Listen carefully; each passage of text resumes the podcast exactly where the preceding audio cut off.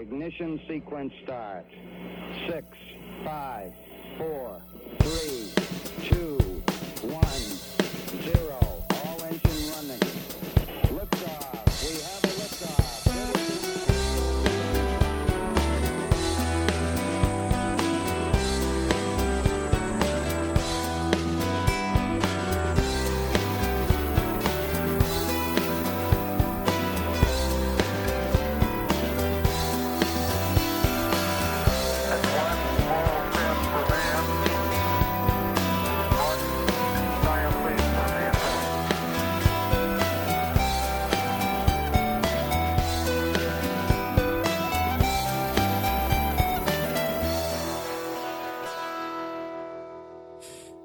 Då vill jag hälsa er välkomna till eh, septemberavsnittet av Slottspodd som är Slottsskogsobservatoriets poddradiosändning.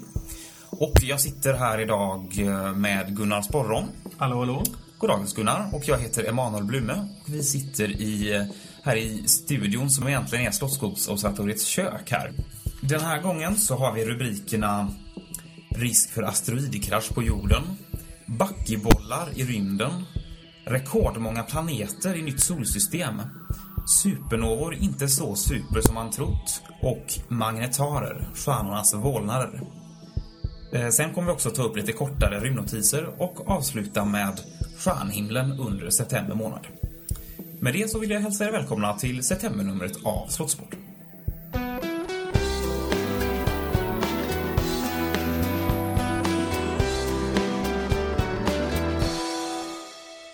Då ska vi börja prata om hotet från rymden. Det, det låter som någon slags eh, science Science fiction, eh, skräck från 50-talet. Och det är väl lite så som man ofta porträtterar det också kanske. Ja, när man ser det på rubriker i tidningar och så, så är det ju eh, lite den känslan man får. Precis, och vad det handlar om så är det alltså asteroider, kometer och andra stora rymdbumlingar som hotar att slå ner på jorden. Och det är väl klart att det är ju inte en helt orimlig tanke med tanke på att det har hänt några gånger under historien. Precis, exakt. Men ganska sällan. Eh, ja, vi har ju en, en, eh, en ganska bekräftad tillfälle i alla fall. Det var de som slog ut våra dinosaurier här Ja, precis. för 65 miljoner år sedan. Och det var ju tur för oss. Ja, det skulle man, så skulle man kunna säga.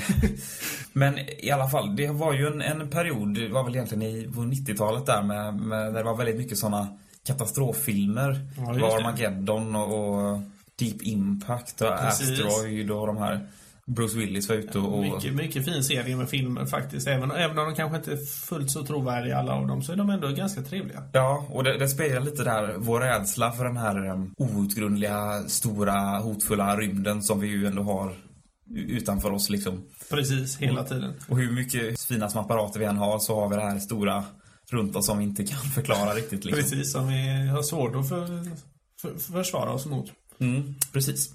Men som det ska visa sig nu då så är inte det här bara science fiction utan det finns det finns faktiskt eh, en del sanning i det här då att prata om hotet från rymden. Eh, För överhuvudtaget så det här med rymdvarelseinvasioner och sånt där som också finns ännu mer filmer om förmodligen Ja, precis. är ju eh, tyvärr eller som tur är vad man nu väljer, hur man nu väljer att se det, inte lika stor risk för som att man faktiskt får en stor Sten i huvudet. och nu har det alltså dykt upp ett, ett nytt hot då.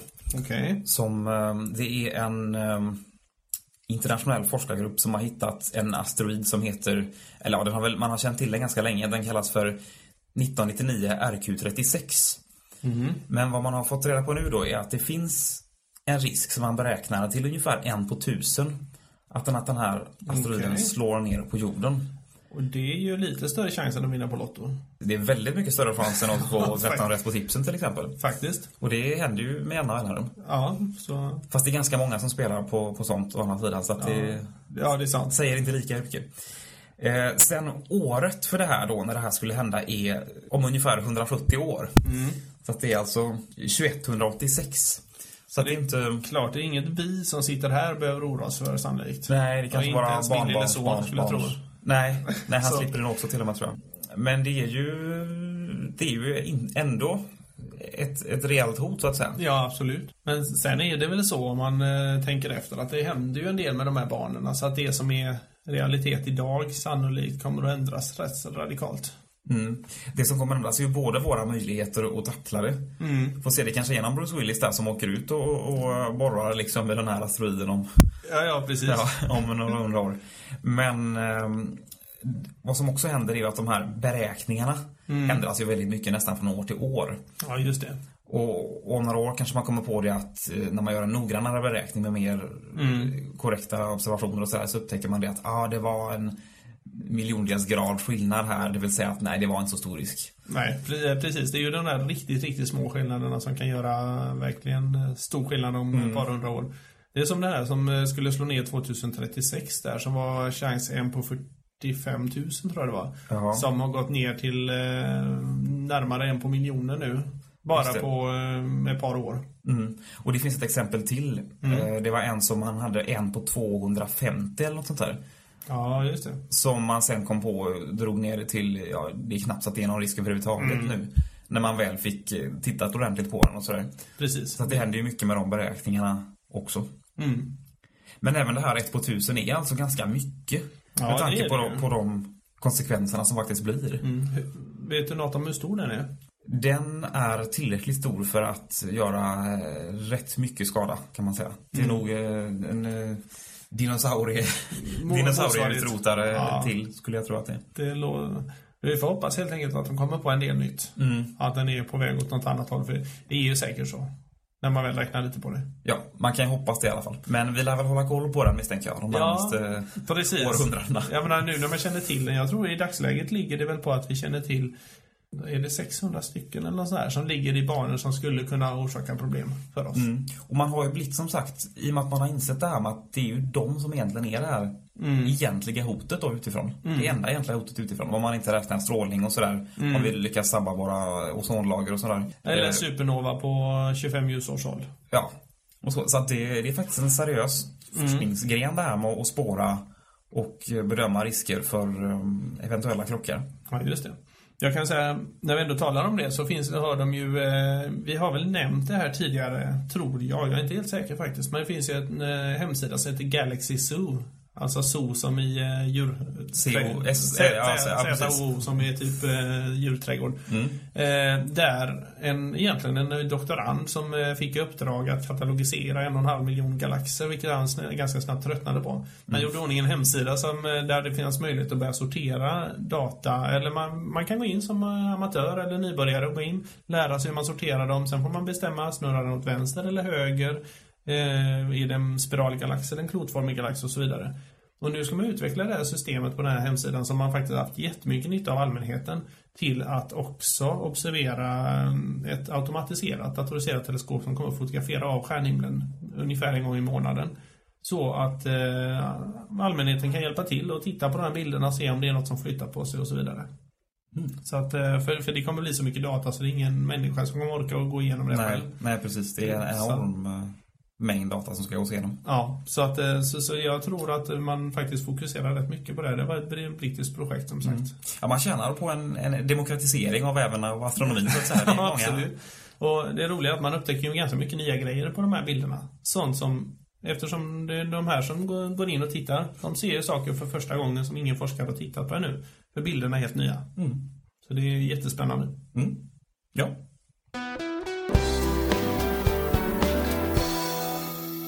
Och nu till någonting helt annat faktiskt. Förvisso klumpar, runda i rymden, men det är väl det närmsta vi kommer. Faktiskt små, eh, riktigt, riktigt små partiklar, eller om man säger det istället, riktigt, riktigt stora molekyler som innehåller 60 kolatomer. Man har känt till de här i 25 år ungefär i laboratoriemiljö. Man kallar dem för backebollar. Eller egentligen fullerener, men... Ja, för fullerenen är väl det jag har hört talas om. Precis. Det, det är faktiskt så att eh, det här är... eh, Bägge namnen är mer eller mindre giltiga för de är faktiskt döpta efter en eh, arkitekt som hade en viss förkärlek till att bygga domer eller halvklot. Som han använde en viss struktur för att de skulle hålla ordentligt. Ja. Och den här strukturen har exakt samma form som de här backebollarna som vi kallar då. Aha, okej. Så De han- här sexkanterna och femkanterna som, Ja, precis. som sitter ihop som på en, eh, på en fotboll. Exakt. Och om du tittar på normal fotboll så har den exakt samma struktur också. Med 60 stycken knutpunkter emellan. Just det. Och ehm, den här mannen då, arkitekten heter Buckminster F- Fyller, heter han då. Och därav Jaha. både fyllerenerna och Okej. Jag buckybollarna. att det var någon, någon fysiker liksom som, som Ja. satt och studerade kolatomer och som Jo, hette något det sånt. trodde jag också, fram till jag lä- läste om det här då. Och det roliga är att man har som sagt känt till dem i laboratoriemiljö. Man har förstått att de bild, kan bildas vid förbränning. Så i vanliga bilavgaser, i sotet som kommer ut, så finns det en del sådana här. Och de är väldigt intressanta för de har en oerhörd hållfasthet. Plus att de i princip nästan inte väger någonting eftersom de är helt ihåliga inuti. Mm, det, det är en, en kolbur. Det är ju liksom bara kolatomer liksom, som är i en... en ihålig boll Ja. med, med vakuum inuti i princip. Har man inte gjort experiment på det där med att man kan liksom fånga andra molekyler inuti de här? Jo, man, jag tror man diskuterar till och med att man skulle kunna använda dem för att förmedla medicinska preparat. För de här är så små och neutrala så de kan tränga igenom både det ena och det andra. Så de är egentligen inte särskilt nyttiga som sådana. De reagerar inte med saker och ting. Nej, men de kan ju hamna i vägen. Ja, okej. Rent fysiskt så. så att, eh, men däremot så kan de göra nytta om man kan forsla in ämnen i celler och sådär. Det är som en, en badboll liksom som kommer och, kommer i vägen som man kan ha någonting i om man har... Ja, ja, precis. Om man planerar lite kan man fylla Ja. det med något roligt. Det här är alltså första gången som man har lyckats att eh, observera det här i rymden då. Men i det här fallet, man har ju försökt att titta på eh, kolproducerande stjärnor. Som, om man studerar dem så, eh, så ser man att det blir, blir ett fingeravtryck av kolföreningar, alltså kolpartiklar som ligger, sot i princip, som ligger i vägen. Men man har då inte lyckats hitta just den här signaturen från de här buckybollarna bollarna som man hoppades på att hitta. Men för första gången nu har man hittat i en planetarisk nebulosa från en stjärna lik solen i princip kan man säga.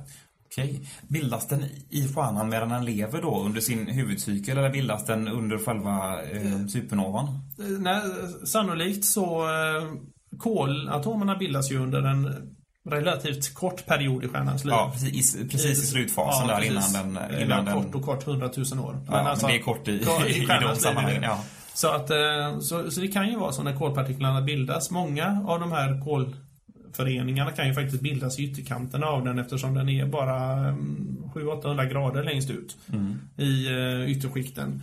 Men eh, man vet inte om de bildats där eller om de kondenserat ut efteråt. Alltså att eh, det har blivit en väldigt kraftig solvind och sen när det kommer flera astronomiska enheter ut där det börjar bli svalare så att det kondenserar ut senare, det vet vi inte. Nej. Men vi vet att det finns då i den här där det finns en liten vit dvärgstjärna i mitten och det här gasmolnet som innehåller dem nu då. Där ser man. Då ska vi ta upp att man har nått ett nytt rekord kan man säga för antalet planeter i ett och samma solsystem. Okej. Det är eh, ett, ett solsystem som man har pratat om i ett par år tror jag. Som man kallar för HD 10180. Känner igen det Ja, lite svagt. eh, det är svårt att känna igen det när man, när man hör det men eh, när man ser det i skrift så ser man liksom, känner man igen det här. Ja, precis. Ja, vänta lite. Det där, de där bokstäverna och siffrorna jag har sett någon gång förut.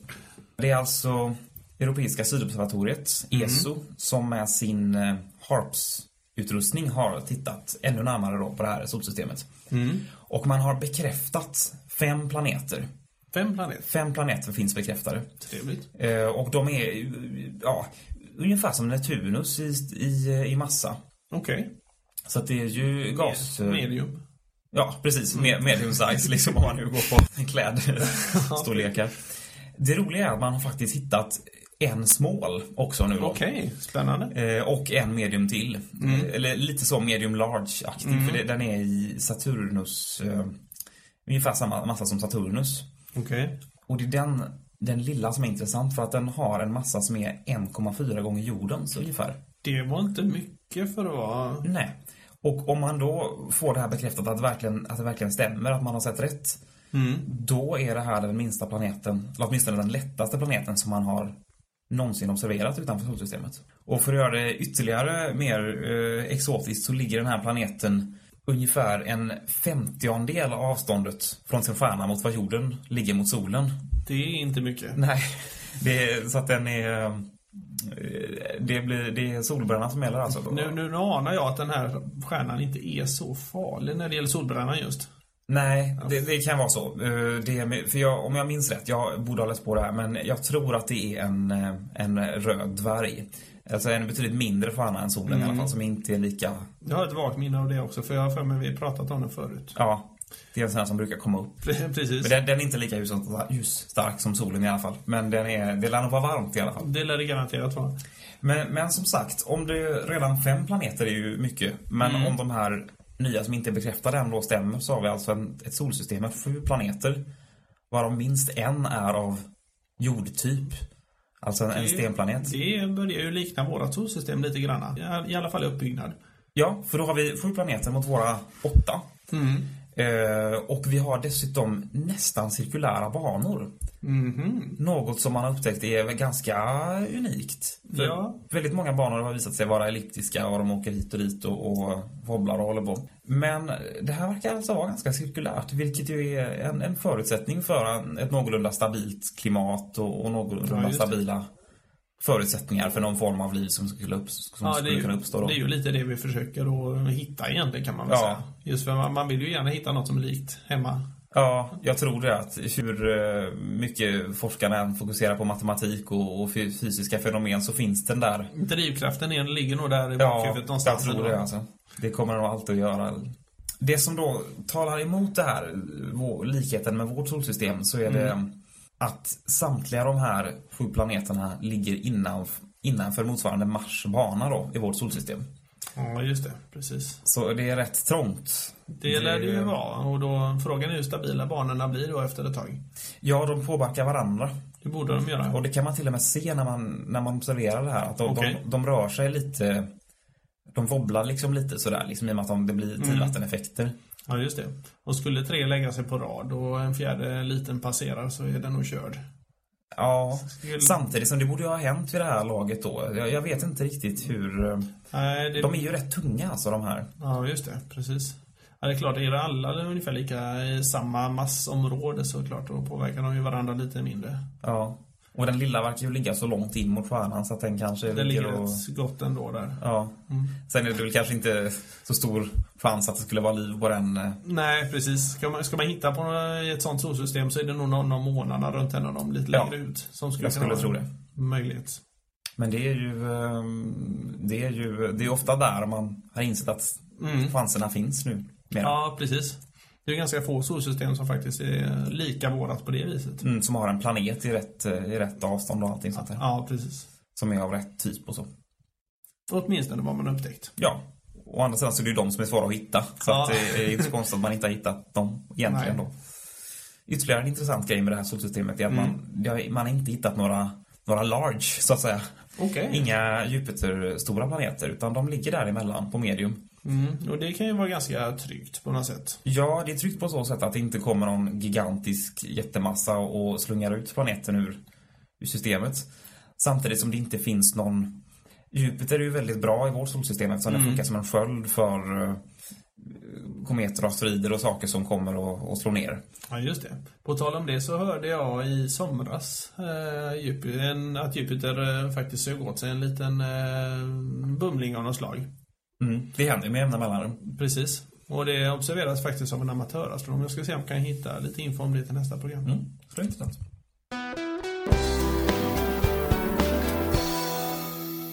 När vi ändå talar om planeter som är uppbyggda av rätt tunga ämnen så eh, har vi ju eh, länge förutsatt här att de här alla, allra tyngsta ämnena har bildats i supernova-explosioner. Mm, just det.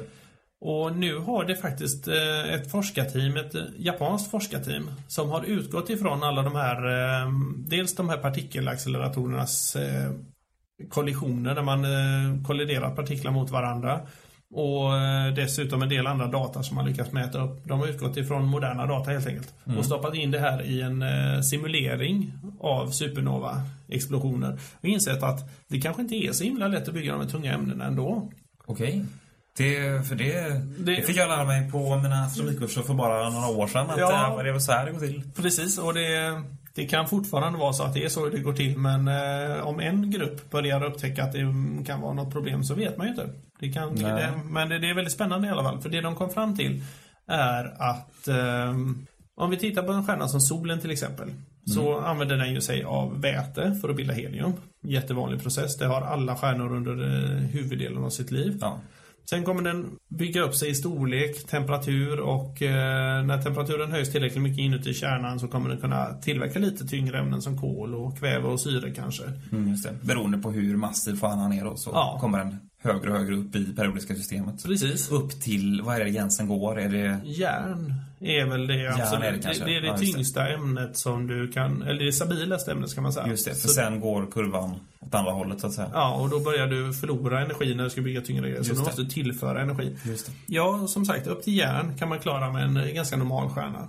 Sen krävs det någon form av, eh, oftast är det frågan om en kärnkollaps, att eh, kärnan drar ihop sig så att temperaturen ökar. Och ökar temperaturen så får man mer energi över. Kär- Kärnan i stjärnan så att I säga, stjärnan, inte, precis. i, Nej, inte i- atomkärnan. Nej, precis, utan innandömet på stjärnan. ja, precis. Så innandömet i stjärnan måste krympa ihop. Så temperaturen ökar och då får du, frigör du lite mer energi. Mm. Och eh, vad man tänker sig då, i en ordentlig kärnkollaps så bildas det massa neutriner. Det Neutrin- pratade vi om i förra programmet. Ja, det gjorde vi. Precis. Och då pratade vi om att neutriner kan hjälpa till att slå sönder atomkärnor. Exakt samma sak som man räknar med sker i en supernova-explosion då. Att de här neutri- neutrinerna slår sönder vissa atomkärnor och då blir det ett överskott av lösa protoner som är positiva och neutroner som är neutrala. Det hör man nästan på namnet. Och, eh, och, Nästan. Precis. Och, och sen kan de här då i sin tur krocka med befintliga atomkärnor. Och då tar man protonerna till exempel så kan de bygga upp lite tyngre ämnen.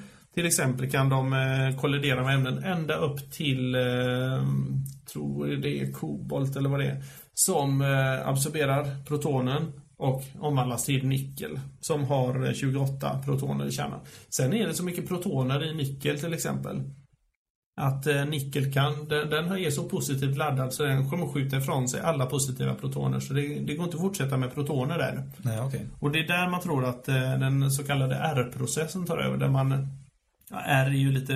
Rapid står det väl för? Ja, det gör det faktiskt. Så, så det är inte helt simpelt med Rapid Neutron Capture. Pratar Just man det, på. det är det som händer, eller ja, enligt gängse teorin då, Ja. det som händer när den här enorma tryckvågen kommer och pressar ihop Ja. materialet när supernovan Precis, sker. Då. får man eh, neutroner med hög fart som kan kollidera in i atomkärnorna.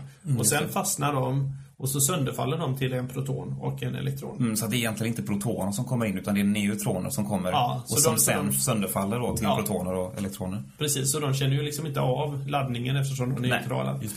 Men eh, problemet är att de måste finnas i en sån stor mängd för att det ska funka och komma upp till de här riktigt tunga ämnena. Och vad man nu insett med de här nya beräkningarna är att det mängden protoner kontra mängden neutroner är, stämmer liksom inte för att kunna uppnå det här. Utan man tror att det finns för lite neutroner för att uppnå ämnen högre upp än 10. Som ligger på atomnummer. Nu har jag inte med siffran i huvudet där, men jag tror det ligger runt 50 ungefär. 50 protoner. Och det finns ju bra mycket tyngre ämnen. Ja, det gör ju det. Och det är ju lite skrämmande för det är plötsligt så, om deras teori stämmer nu, den här japanska forskargruppen, så sitter vi eh, rätt illa till. För då har vi ingenting som förklarar var alla ämnen över 10 kommer ifrån. Nej, och det är ju det värsta som kan hända för en forskare, liksom att inte kunna förklara någonting. Precis. Så att eh, jag hoppas faktiskt att de har rätt, för det blir ju ännu mer spännande då. ja, ja, verkligen. Ja, det är lite, ja, jösses. Jag menar allting, bly, guld, uran, Ja. och silver och... Precis, alla de här ämnena som vi som faktiskt är viktiga för oss också. Ja, var kommer det ifrån liksom? Ska man börja tro på Gud eller ska man... Vi kanske inte måste vara så drastiska just idag, men eh, ett förslag som de pratade om i det här fallet var att det kan vara kolliderande vita dvärgar eller neutronstjärnor där det fortfarande finns atomer kvar. Och där en sån kollision blir ännu mer energirik än själva supernova-explosionen. Men det låter ju ändå som en relativt låg sannolikhet Ja. för att en sån sak ska hända jämfört med en supernova, för det händer ju hela Precis. tiden. Precis, och så, så det, det, det skapar ju uppenbarligen en del problem Ja. i våran förståelse av universum. Ja. Så att eh, det återstår att se om de nu har rätt. Jag säger inte Ja, mer än nej, så, precis, utan eh, precis. vi får se vad Som andra det- forskare säger om det här nu. Det gäller nästan allting vi säger här i i programmet, om det nu stämmer. Ja, för precis. det, det är ju teorier. Ja, och mycket ny forskning. Så, att, Ja. eh, så det, vi, vi får se vad forskarvärlden säger om det här. Mm. Och se hur det utvecklar sig. Just det. Då hade jag tänkt prata om någonting som man, man skulle kunna benämna med det lite eh, fantasieggande namnet Stjärnornas vålnader. Okej. För att göra det hela lite mer spektakulärt. Det handlar om...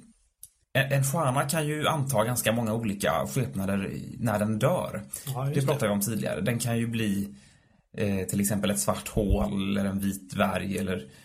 Den kan Mm. gå olika öden till mötes, som sagt. Precis. Om vi tittar på en stjärna av solens storlek så får man ju en vit dvärg då som resultat. Ja, just det. Den sväller upp stjärnan och blir en, en röd jätte först då. Som sen svalnar och krymper ihop och så småningom skrumpnar ihop till en liten massiv vit dvärg då. Precis. Ganska het sådan Ja, faktiskt. ja, i och med att den blir så, så, så kompakt så blir den ju All värmen som fanns i den här stora blir ju liksom samlad i en, en liten klump. Jag tror man räknar på eh, storleksordningen ett par hundratusen grader. Det som vi ser som yta då. Ja. Och den ligger ju där och är varm länge liksom för den, den har ju inte så mycket yta att stråla ut ifrån. Ja, just Så det. att säga. Eh, Men det kan också bli andra saker. Det kan bli svarta hål och grejer om det är större stjärnor och sådär. Och så kan det bli under vissa omständigheter eh, neutronstjärnor. Ja, just det. Det är någon mellanting. Ja, precis. Om den är lite stor för att bli en vit dvärg och inte riktigt så stor för att bli ett svart hål. Och det är lite flytande där, för det har att göra med hur mycket den kastar ut och sådär. Alltså. Och vad jag har hört talas om att det också kan ha att göra med om den roterar väldigt snabbt så kan det Precis. förhindra att den drar ihop sig och lite Ja, så här. Så det, är, det- är mycket som spelar in. Ja, det är ganska många faktorer där som kan göra det. Eh, och de här neutronstjärnor är rätt spännande objekt för det finns, det finns lite olika typer med lite olika egenskaper. Det finns pulsarer kan man prata om till exempel som rot- roterar väldigt fort Ja, och ser ut att att blinka då i rymden väldigt, väldigt snabbt. Fast i radiovåglängder, i och för sig. Men, eh, Ja, ja ser ut. Det säga, ser ut för astronomerna som tittar i, i radiovåglängden. Exakt. Eh, Men nu, nu finns det en eh, väldigt exotisk extremform av neutronstjärna som man har börjat observera nu. Som man kallar för magnetar. Det har jag hört någon gång. Ja, det har funnits i teorin i alla fall i åtminstone en tio år eller någonting. Men nu har man i alla fall hittat ett, ett exemplar som man kan studera. Eh, och den här, den kallas ju för magnetar då för att den har ett extremt starkt magnetfält runt den här väldigt, väldigt kompakta neutronstjärnan då. Neutronstjärnor eh, kallas väl för neutronstjärnor för att, delvis för att de har en eh, densitet som är samma som i en eh, atomkärna. Ja, just det. Precis. Det är, som, det är som en enda stor kärnpartikel egentligen då. Ja, men man kan, inte, man kan ju tänka sig, eh, man knör ihop hela solens massa till någonting som är storleksordningen som Göteborg. Ja, Då, då blir det rätt kompakt. precis. Det blir rätt eh, trångt så att säga för atomerna. Det som då är lurigt med den här är att man, man har förstått att den har bildats av en stjärna på ungefär 40 gånger solens massa. Okej. Och det, då ligger den ju i ett område som enligt de gängse teorierna skulle bilda ett svart hål. Ja, precis. Eh, ganska långt över gränsen till och med. Och för att det här ska kunna bli en neutronstjärna så räknar man med att den måste på något sätt kasta ut mer än 90% av sin, sin massa på något sätt. Ja, klart lyckas den med det skulle nog kunna funka, men... Ja, och det, ja precis. Hur, hur gör den det? det? Det, det gör de ju i regel. De kastar ut den ganska mycket så. Men så pass mycket är, förstår man inte riktigt varför. Och om det skulle kunna ha med det att göra att den har en sånt otroligt starkt magnetfält då. Som gör dem till de här magnetarerna de är. Ja, just det. Och frågan är, har den samma... Det måste ju vara så att den har ett visst magnetfält och sen när den komprimeras så eh, komprimeras ju även magnetfältet så det blir kraftigare, eller? Ja, det är ett underligt fenomen. Det, det är ett underligt fenomen, ja. Och det är som sagt första gången man egentligen studerar det här. Men den här ligger i en stjärnhop som eh, har ett, eh, det svenskklingande namnet Västerlund 1. Åh, Eh, som kommer ifrån en svensk fysiker eller astronom tror jag som heter Bengt Westerlund tror jag. Mm, känner jag igen. Som upptäckte den här stjärnhopen 1961. Det som är fiffigt då är att de här stjärnorna är födda, eller de har bildats ungefär samtidigt. Ganska exakt samtidigt. Ja, det borde de ha gjort, ja. Det innebär att de har samma ålder allihopa. Ja, just det. Och då kan man studera den här magnetarstjärnan vid sidan om sina systerstjärnor som är lika gamla och som har fått andra öden. Ja, just det. Vilket innebär att man kan dra en del slutsatser om när, hur länge den kan ha levt, hur stor den borde ha varit och sådär liksom. Så att det, Ja, det, det. det är ett eh, hett forskningsområde det här som och man hoppas kunna lösa en del av de här gåtorna då som har uppkommit med stjärnors död. Fascinerande. Bara för att göra en liten jämförelse kan det vara lite kul att veta det att hade vi haft en magnetar i mitten av våra solsystem. Nu går jag på de gamla teorierna som jag hörde för Mm. Ja, några år sedan. ja det, det, är ju Eh, de, det är ju de vi har liksom, Ja, som är precis. teorier egentligen. Så skulle det innebära att inte ett kreditkort på jorden skulle funka. Nej, det hade slagits ut av... eh, Av magnetfältet. Ja. Så det är en ganska häftig eh, pryl. Ja, ja onekligen. En, en liten försiktig eh, förklaring till hur det här skulle kunna gå till då är att det skulle kunna ha varit någon form av dubbelstjärnesystem. Och, och interaktionen mellan de här stjärnorna kanske gjorde att den kastade ut så mycket. Men det är väl det, det är spekulationer som, som eh, Ja, man, man har ju sett sådana fenomen som... eh, Det är ju inte säkert att supernova alltid är helt symmetrisk. nej. Normalt sett tänker man ju sig en stjärna att den exploderar och så skvätter det lite åt alla håll. Men man har ju sett eh, neutronstjärnor åtminstone som har fart iväg med alltså 700-800 km per sekund i en viss riktning.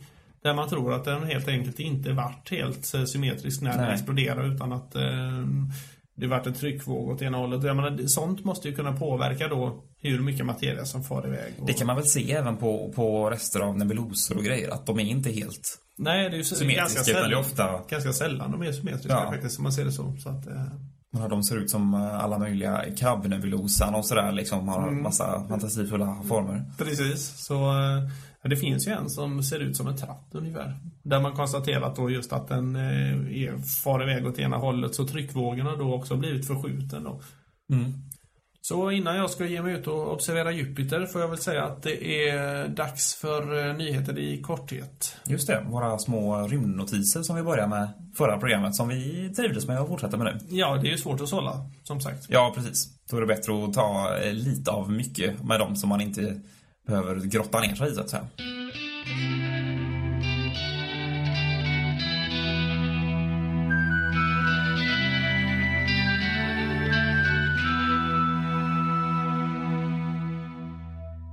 Jupiter under attack. För tredje gången på 13 månader har amatörastronomer lyckats observera ett nedslag på Jupiterytan. Det var inte det här nedslaget som jag pratade om tidigare i programmet, utan där är ännu ett. Fredagen den 20 augusti detekterade två oberoende japanska amatörastronomer en ljusblixt på Jupiters yta. Den nya tekniken gör att allt fler amatörastronomer hittar eh, den här typen av nedslag.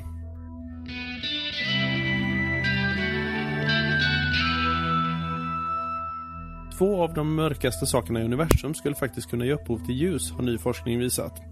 Åtminstone om man ska tro Stefano Profumo från University of California. Att svarta hål kan ge upphov till jets av partiklar som med nära ljusets hastighet färdas ut ifrån ytterkanten av det svarta hålet. Det har de flesta nog hört talas om. Vad Profumos forskargrupp har gjort är teoretiska beräkningar kring elektroner i de här typen av jets. Och elektroner skulle faktiskt kunna ge upphov till gammastrålning när de interagerar med två typer av mörk materia. Nämligen det ena är elektronens supersymmetritvilling som är en eh, supermotsvarighet till elektronen som man kallar det. Och även om elektronen skulle reagera med eh, en fjärde rumsdimension så räknar man med att gammastrålning skulle kunna upp, eh, uppkomma i samband med att den byter riktning.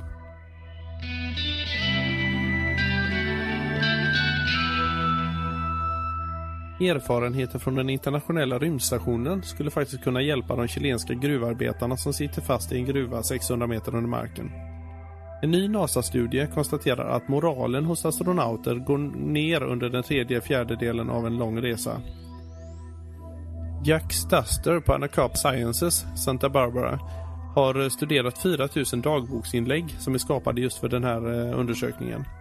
Inläggen har sorterats i positiva, neutrala och negativa inlägg. Den mest negativa delen av vistelsen har infallit just kring den tredje fjärdedelen av vistelsen på rymdstationen. Vilket också tycks vara fallet hos forskare som vistas lång tid på till exempel Antarktis. Med de här resultaten hoppas man kunna hjälpa gruvarbetarna som nu sitter fast under marken.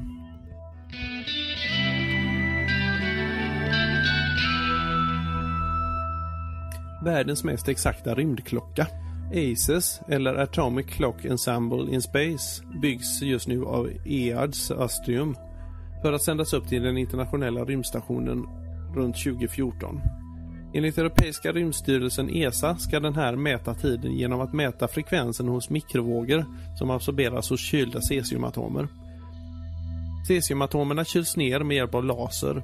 Men eh, på jorden begränsas noggrannheten av eh, frekvensen som de här absorberar på grund av gravitationen. Men i samband med mikrogravitation, eller det som vi i dagligt tal kallar för tyngdlöshet, så kommer ACES att vara 100 gånger noggrannare än klockorna ombord på GPS-satelliterna. Med ACES ombord på rymdstationen så kan man därför ha en gemensam utgångspunkt för att ställa jordiska atomur.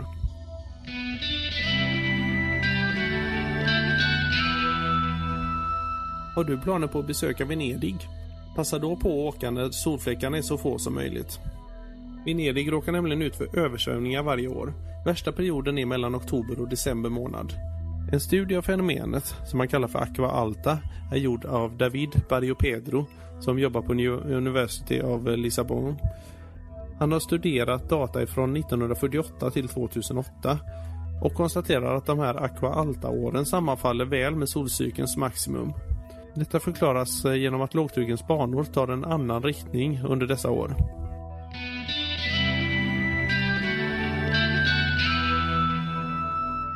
Är månen full av grafen? Kol är ju inte bara de här 3D-strukturerna som i backebollarna. I laboratorier har man eh, kunnat tillverka en atom tjocka lager av kol där kolatomerna sitter organiserade i sexsidiga mönster ungefär som en bivaxkaka. De här tunna lagren har dels en extrem hållfasthet och dessutom ganska roliga elektroniska egenskaper. Andrew Steele från Carnegie Institute for Science har studerat regolit från Apollo 17.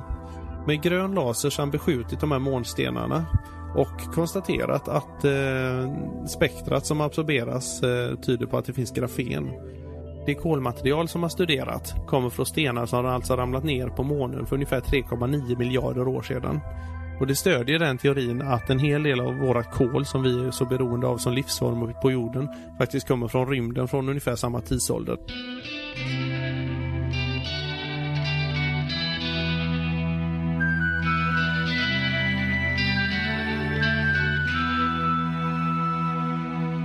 Då har det blivit dags att prata om stjärnhimlen under september månad.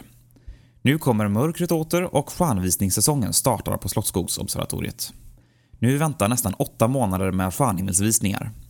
På himlen har Perseiderna passerat och vi har en ny gäst på kvällshimlen, nämligen Jupiter som kommer att följa oss troget i flera månader framöver. Stjärnhimlen i mitten av september, runt klockan 21, det vill säga när Slottsskogsobservatoriet startar sina visningar, kommer se ut ungefär så här. Ställer du dig med näsan åt väster så har du björnvaktaren framför dig. Den ljusstarka, aningen rödaktiga fanan som du ser rakt framför dig heter Arcturus och ligger i nederdelen av björnvaktaren. Till höger, eller norr om björnvaktaren, ligger Stora björnen. Nedanför de båda ligger ett antal ljusvagga fanbilder. I sydväst, i sydsydväst, högt upp, ligger fanan Vega i lyran. Snett nedanför den, i söder, ligger Altär i örnen. Tittar du ovanför och lite till öster om Altär hittar du Deneb i stjärten på svanen. Vega, Altair och Deneb bildar den så kallade sommartriangeln. Svanen flyger nu söderut om kvällarna, eller snarare sydväst, precis som en del av våra svenska svanar som flyger till Danmark över vintern. Fortsätter du sedan mot nordost hittar du stjärnbilden Perseus som ligger som ett V med spetsen pekandes åt horisonten i öster. I spetsen ligger demonstjärnan Algol, en stjärna med sin egen lilla historia som vi kommer att komma till lite senare. Ovanför Perseus ligger Cassiopeia i formen av ett W. Snett nedanför Perseus, till vänster, ligger stjärnan Capella i kusken. Till vänster och ovanför denna i nordväst ligger åter Stora björnen och vi har gått hela varvet runt. Så till månadens stjärna, Algol, eller demonstjärnan. Detta är en av de första nedtecknade så kallade variablerna. Den är närmare bestämt en förmörkelsevariabel. Vad som händer är att när den svalare stjärnan passerar framför den hetare så blockeras en del av den hetares ljus och vi ser det som att stjärnan blir ljussvagare. Algol är i själva verket ett trippelstjärnesystem med beta A, B och C. Beta A förmörkas regelbundet av beta B. Algols magnitud minskar då från stabila 2,1 ner till 3,4. Detta händer med två dygn, 20 timmar och 49 minuters mellanrum. Den här partiella förmörkelsen varar sedan i cirka 10 timmar. A och B ligger 0,062 astronomiska enheter från varandra med C på ett behörigt avstånd av 2,69 astronomiska enheter. Algolsystemet ligger 92,8 ljusår ifrån oss men har varit så nära som 9,8 ljusår för 7,3 miljoner år sedan. Då lyste den med magnituden minus 2,5, det vill säga betydligt starkare än Sirius, eller någon av de andra stjärnorna på himlen för den delen. Namnet Algol kommer från arabiskans Ras al-Gul, som betyder trollets huvud. Så lite om vårt solsystem i september. Vi startar som vanligt med månfaserna. Månen är i sista kvarteret den 1 september klockan 19.24. Nymånen infaller den 8 september klockan 12.30.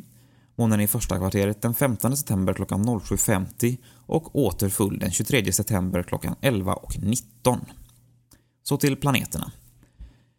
Merkurius ligger som längst till höger, det vill säga väster, om solen den 19 september. Den ligger då 18 grader från solen och går att se i gryningen några dagar kring detta datum. En fältkikare är ett bra instrument för att hitta den. Men om du tittar efter att solen gått upp så ska du akta dig så att du inte får in solen i synfältet. Venus ligger fortfarande 40 grader öster om solen, men på grund av den olyckliga vinkeln så kommer den att gå ner i det närmaste samtidigt med solen och inte gå att se efter solnedgången. Mars ligger vid solnedgången först 3 grader, sedan så mycket som 8 grader ovanför till höger om Venus. Men detta räcker tyvärr inte för att göra den synlig eftersom den går ner nästan samtidigt med solen. Jupiter går den 1 september upp klockan 20.40 för att i slutet av månaden gå upp redan vid 18.40. Cirka två timmar efter uppgången gör den sig fint i teleskop eller fältkikare.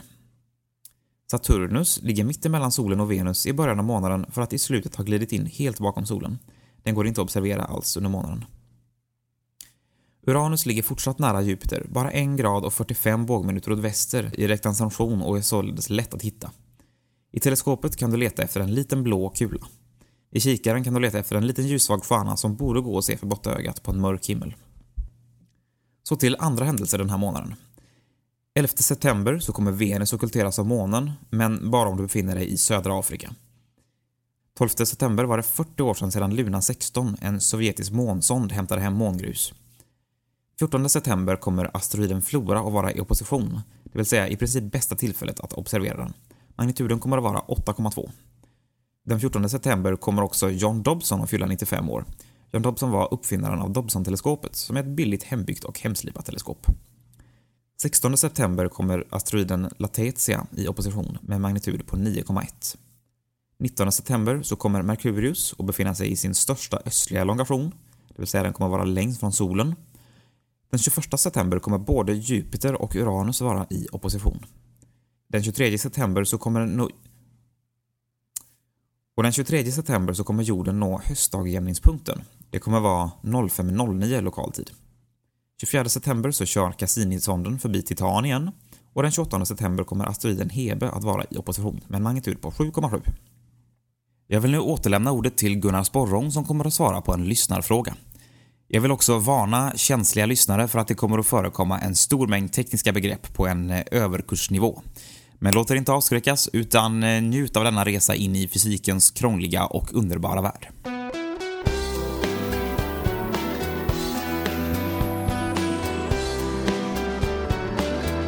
Ja, vi fick in en lyssnarfråga förra programmet. Frågan är som följer. Är gravitation en grop i tidrumväven, närvaro av gravitoner eller något helt annat? Frågan är insänd av Claes Kristiansson i Majorna. Jag fick ett förslag på en person jag skulle prata med på Chalmers. Tyvärr var det så att Martin Cedervall inte hade möjlighet att vara med på någon intervju nu under den här perioden. Det är ju så med forskare att de har ganska mycket att göra. Men han tipsade om den eh, engelska versionen av Wikipedia. Så att jag har gått in där och tittat. Han bedömde att den var av eh, bra kvalitet men kanske lite kort. Å andra sidan så har vi ju som vanligt inte så gott om tid så jag tänkte att lite kort kanske är ganska bra. Men vad är då gravitation för något? Man kan väl säga att eh, gravitation är en kurvatur av rumtiden, i alla fall med de eh, teorier som vi har idag. Alla massiva objekt drar rumtiden kring sig på ett sådant sätt så att den närmsta vägen mellan två punkter inte längre blir en rak linje. Och använder man sig av, och nu får jag citera för det här är lite överkurs för min del. Eh, om man använder sig av Einsteins fältekvationer med tio icke-linjära differentialekvationer så kan man räkna ut med hög noggrannhet exakt hur den här kurvaturen kommer att bete sig. Och det har testats gång efter annan och egentligen kan man inte säga att någon fysisk mm, observation hittills har eh, riktigt kunnat ta knäcken på Einsteins relativitetsteori. Däremot bevis som styrker relativitetsteorin är till exempel det med Merkurius precision som har en udda förflyttning jämfört med Newtons ekvationer. Och till exempel att tiden går långsammare vid lägre gravitationspotential. Det vill säga när man är nära en tung himlakropp så går tiden långsammare än när man är lite längre bort. Det har kunnat bevisas bland annat med hjälp av GPS-satelliterna som måste ta med de här beräkningarna för att de ska kunna fungera och ge en korrekt eh, återgivning på kartan. Att ljuset böjs av i närheten av en gravitationskälla det bevisades redan eh, den 29 maj 1919 när man hade en solförmörkelse och faktiskt kunde se en stjärna som man visste var bakom solen men den ljuset lyckades då ta sig förbi randen på solen och böjas av och nå jorden i alla fall. Och sen tidsförskjutningen, alltså att tiden går lite långsammare och man får en förskjutning om man har eh, någonting som rör sig nära ett massivt objekt. Det kunde man detektera redan 1964 med hjälp av rymdsonder som då låg i en annan gravitation än den vi har lokalt på jorden. Gravitationsstrålning, som eh, Einstein också förutsade, har indirekt bevisats genom att man tittar på dubbelpulsarer som man märker förlorar lite granna i hastighet på ett sådant sätt som är fullt förutsägbart med hjälp av eh, relativitetsteorin. Men hur förmedlas då den här gravitationsstrålningen? Ja, det finns eh, ett antal olika teorier även på detta och i princip så kan man väl säga att den som är populärast för tillfället är en som man kommit fram till via kvantmekaniken och det är i princip en form av partiklar som man kallar för gravitoner. Precis som fotoner som eh, förmedlar eh, den elektromagnetiska kraften så skulle då gravitoner kunna förmedla den gravitationella kraften. Men det är ingenting som vi hittills kunnat observera. Sannolikt har jag väl mest eh, förmedlat förvirring men eh, låt oss i alla fall säga det att Einsteins teorier står sig ganska bra i dagsläget. Och eh, hittills som sagt så har vi inte sett någonting som direkt har knäcken på dem. Och jag hoppas det här är ett litet steg på vägen i att förstå gravitationen. Om inte annat ska vi se om vi kan få tag på någon annan som kan förklara det lite bättre. Och tills vi hörs igen så um, tackar jag för mig.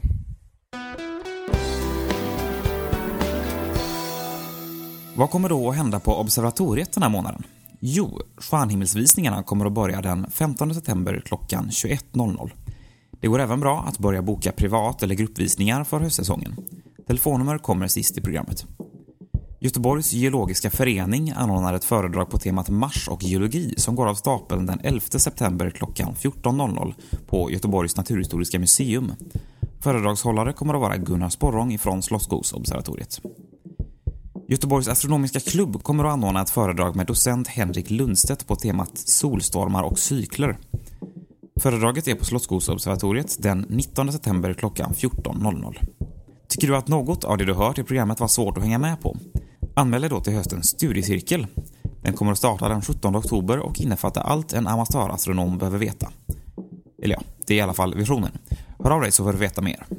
Du kan också beställa visning eller få veta mer om våra aktiviteter på slottskogsobservatoriet.se eller på 031 12 63 00. Här finner du också stjärnkartor och all information om stjärnhimlen utskriven i text. Klara skyar önskar vi på Slottsskogsobservatoriet.